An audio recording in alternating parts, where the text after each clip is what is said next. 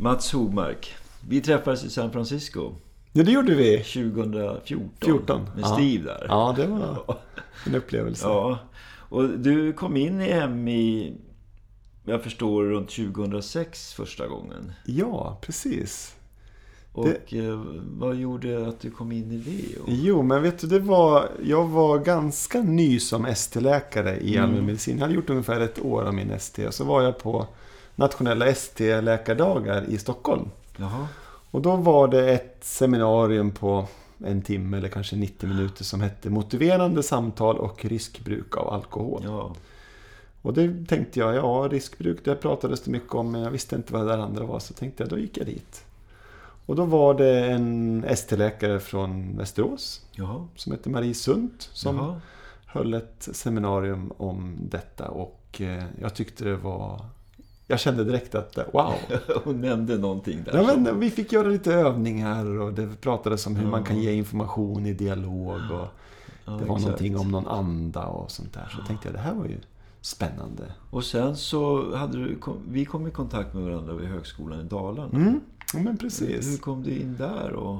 Ja, efter det där seminariet 2006 i Stockholm så det första jag gjorde var att jag gick hem till min vårdcentral och så sa jag till mina kollegor att jag hörde ett så himla bra seminarium.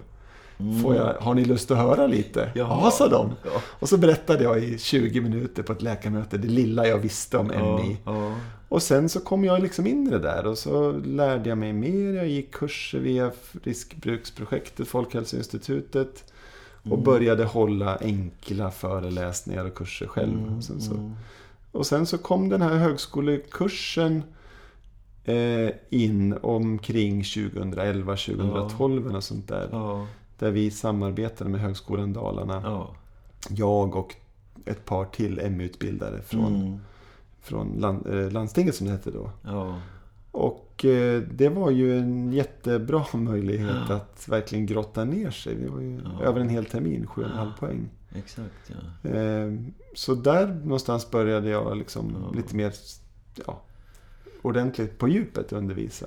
En nyfiken fråga så här, från då Mm. till nu. Ja. 2006 Mm. Så fick du en viss bild av ME. Mm. Och sen har du börjat jobba med det då. Och Mm. vad, vad har hänt under den här resan? Hur, hur har, det här, har det förändrats? Har det utvecklats på något vis Mm. för dig när du har tillämpat det här? Ja. Jag eh, brukar ju faktiskt, när folk frågar brukar jag säga att jag är, jag kan nog ärligt säga att jag använder mig av MI-tänk i alla mina patientmöten och har gjort det ända sedan 2007, 6, Mm. Ja, 2006. och så har du ju förhållningssättet, grunderna i det Jo, men det början. tror jag nog. Men det som kanske framförallt har förändrats för mig som MI-praktiker, som Ja. läkare, det är väl att jag, eh, jag har blivit mer och mer duktig på att inse att det handlar om ett förhållningssätt och inte så mycket om tekniker. Mm. MI-andan är ju mycket viktigare för mig än själva ja, verktygslådan. Så från början så var det mycket metod. ja, det var hur ganska man mycket, gör. ja, men mycket Och verktyg. nu är det mer förhållningssättet att det också påverkar Yes. och, och ger effekter. Ja. Och det är likadant i min undervisning. I början var det ganska mycket att Åh, det här är en så bra teknik. Och nu använder jag jättemycket av förhållningssätt och anda och så. Så lägger man på teknikerna, eller vad man nu ska kalla dem, Ja. Ovanpå det. Tekniker, strategi. Ja, metoder och olika färdigheter. Ja, Men, ja. Så den stora förändringen för mig är väl att, att jag har blivit mycket mer trygg i eh, andan, I förhållningssättet. ja, både som praktiker och undervisare. Är det nå- något speciellt eh, inom MI som du känner att du har störst glädje av eller mer glädje av i, i samtalen? I att eh, väcka tankar, reflektioner, eller Mm. komplexa eller dubbelsidiga eller att man pratar om Mm. strategier. Just vad, vad är det som speciellt Ja. störst glädje av?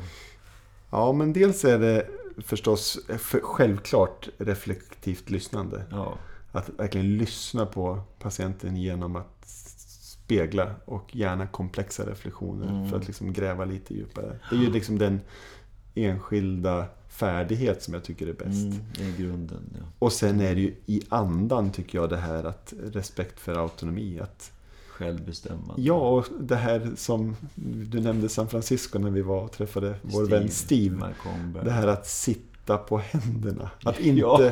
att inte försöka fixa folk, att inte hamra på folk. Utan att Nej. faktiskt tänka att jag tar det lite lugnt. Jag lutar mig tillbaka och så får klienten, patienten prata. Och det tycker jag är otroligt hjälpsamt.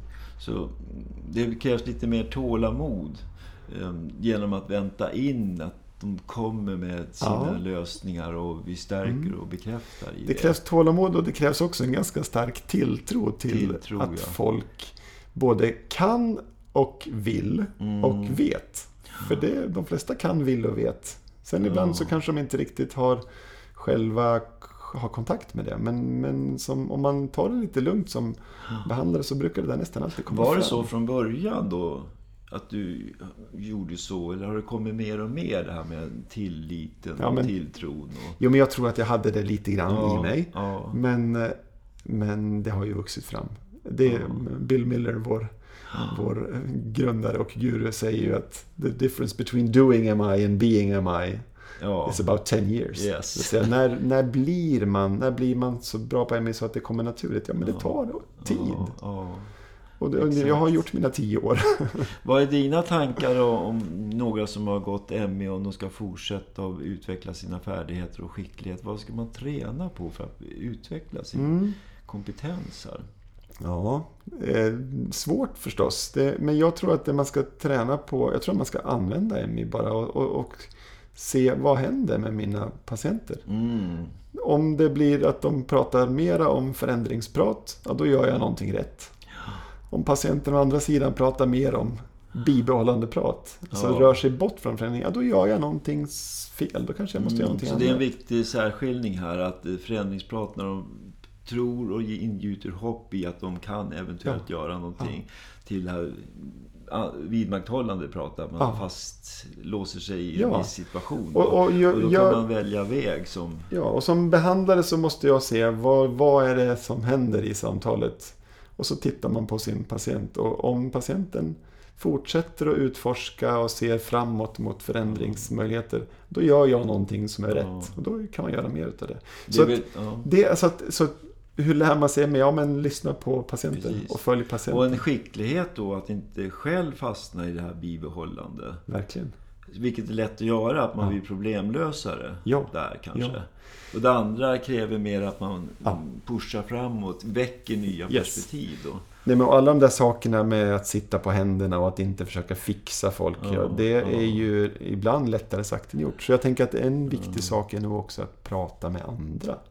Jag brukar säga att, Ja. att vi borde, vi inom hälso och sjukvård, men kanske även alla människor i våra yrken, vi borde samtala om samtalet. Ja, Lite exakt. oftare med varandra. exakt. Så jag tänker om du och jag liksom jobbar på, Ja. tillsammans och sen så att vi faktiskt också pratar om ja, men hur gick det för dig med ja, det här mötet? Vad var det som funkar? Vad var det som inte funkar? Och så kan vi lära oss av varandra. Jag tror att det är Mm. superviktigt. Precis som man pratar om olika mediciner eller olika behandlingsstrategier så kan man väl också prata om själva pratet. ja, exakt.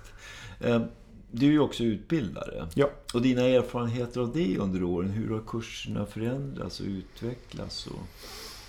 Ja, ja, lite som jag var inne på så är det nog mera anda och förhållningssätt. Och, eh, eller, Ja, hur gör man i, i kursrummet ja, då? jag går in med väldigt mycket upplevelsebaserat ganska Ja. tidigt. Att försöka att man ska få uppleva de här fyra processerna. Engagera först. Ja, relationsskapande. ja, Och sen så pratar vi om det. Vad har Ja. vi gjort nu? Vad betyder det? Hur skulle det kunna se Exakt. ut i relation till en patient? så man får sätta sig in i det, hur det blir för mig som person. Ja, Att möta en person med engagemang. ja, hur känns det att bli bemött på ett, Ja. eh, ett sätt som är ME-mässigt? Och de flesta känner att jo, men det känns jättebra. Och de andra tre? Mycket övningar för att göra, jobba med fokus och Ja. locka fram, framkalla och, och, och Mm. planera också. Att, Så att eh, kurserna har mer och mer gått åt det hållet att man gör övningar där man får uppleva effekten av samtalet för sin egen del. ja, Och då blir man en bättre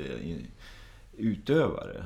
jag tänker ju så? det. Jag tänker ju det. Ja, Sen är det ju så, man kan inte alltid utgå från att det sätt som jag vill bli bemött på ska, vill också alla andra bli bemötta. Det är inte säkert att det är Nej. så. Men det tycks, jag har ändå gjort det här ganska mycket nu, det tycks som om det finns gemensamma teman som Ja. går igenom när man frågar folk. Och det är att man vill, man vill bli lyssnad på. Ja, Man vill möta Ja, är klart. närvaro, genuint intresse, empati, ja omsorg. Man vill inte bli dömd. Man vill Nej. inte bli förlöjligad, förminskad. Eh, Man vill inte få massa råd som man inte har bett om. Inga makthierarkier. Nej, och det tycks vara... Jag gör den övningen ganska ofta, frågar folk så. Hur vill du bli bemött? Hur vill du inte bli bemött? Och det tycks finnas som att det är Mm. teman som alltid går igen. Mm, intressant frågeställning. Så att, att låta folk uppleva och prata Mm. om vad man har upplevt Mm. och kanske kunna dra lite växlar på det. Då. Mm. Så du har också utvecklat själva kurserna till Ja. att eh, lägga en grund i förhållningssättet och så får de uppleva förhållningssättet Ja. i olika övningar. Då, så att, Sen en sak inom hälso och sjukvård som ja. jag har börjat göra lite mer av det är att tänka att alla borde ha andan, förhållningssättet, det som vi redan har pratat om. Mm, mm. Och man borde också bli bättre, för vi vill ju ofta ge råd och information. ja, och det- man behöver informera. Och det får man göra ja, i MI, men man kan göra det på rätt sätt. Så jag brukar försöka lägga en del krut på att, att folk ska bli bättre på att erbjuda råd och information på ett sätt som är i linje med MI-andan.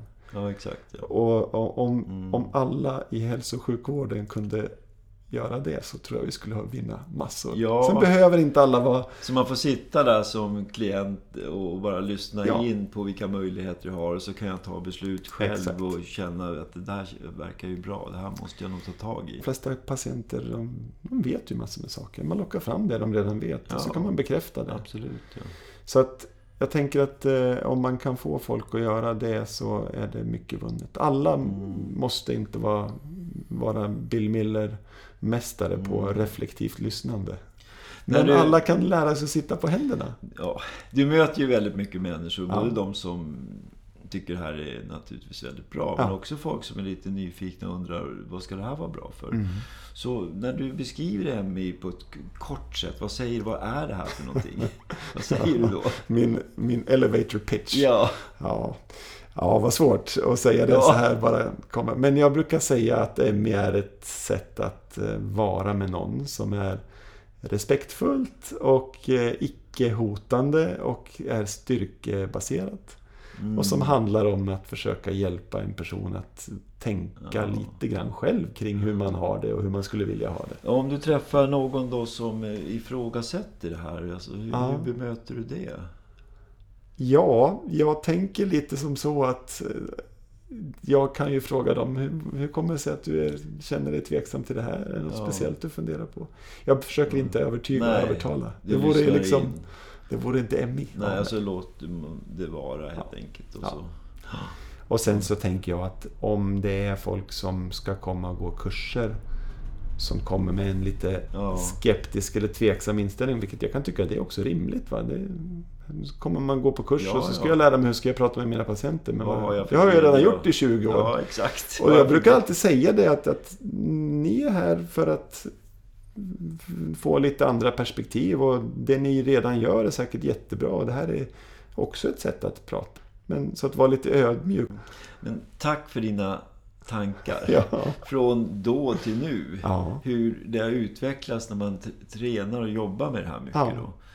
Så att det låter ju som att man ska träna så mycket som möjligt. Ja, och, I och alla göra... möjliga situationer man har. Ja, och prata- Både hemma vid och professionellt. Ja, men det tänker jag också. Och så kan man också klappa sig själv på axeln och tänka att jag gjorde försökt i alla fall. Det blir inte Ja. alltid perfekt, men det, det är som det är. Ja, Och det är också, en, tänker jag, det är också en del av MI, att respektera, att vara lite snäll mot sig själv och mot sina klienter. Exakt, ja.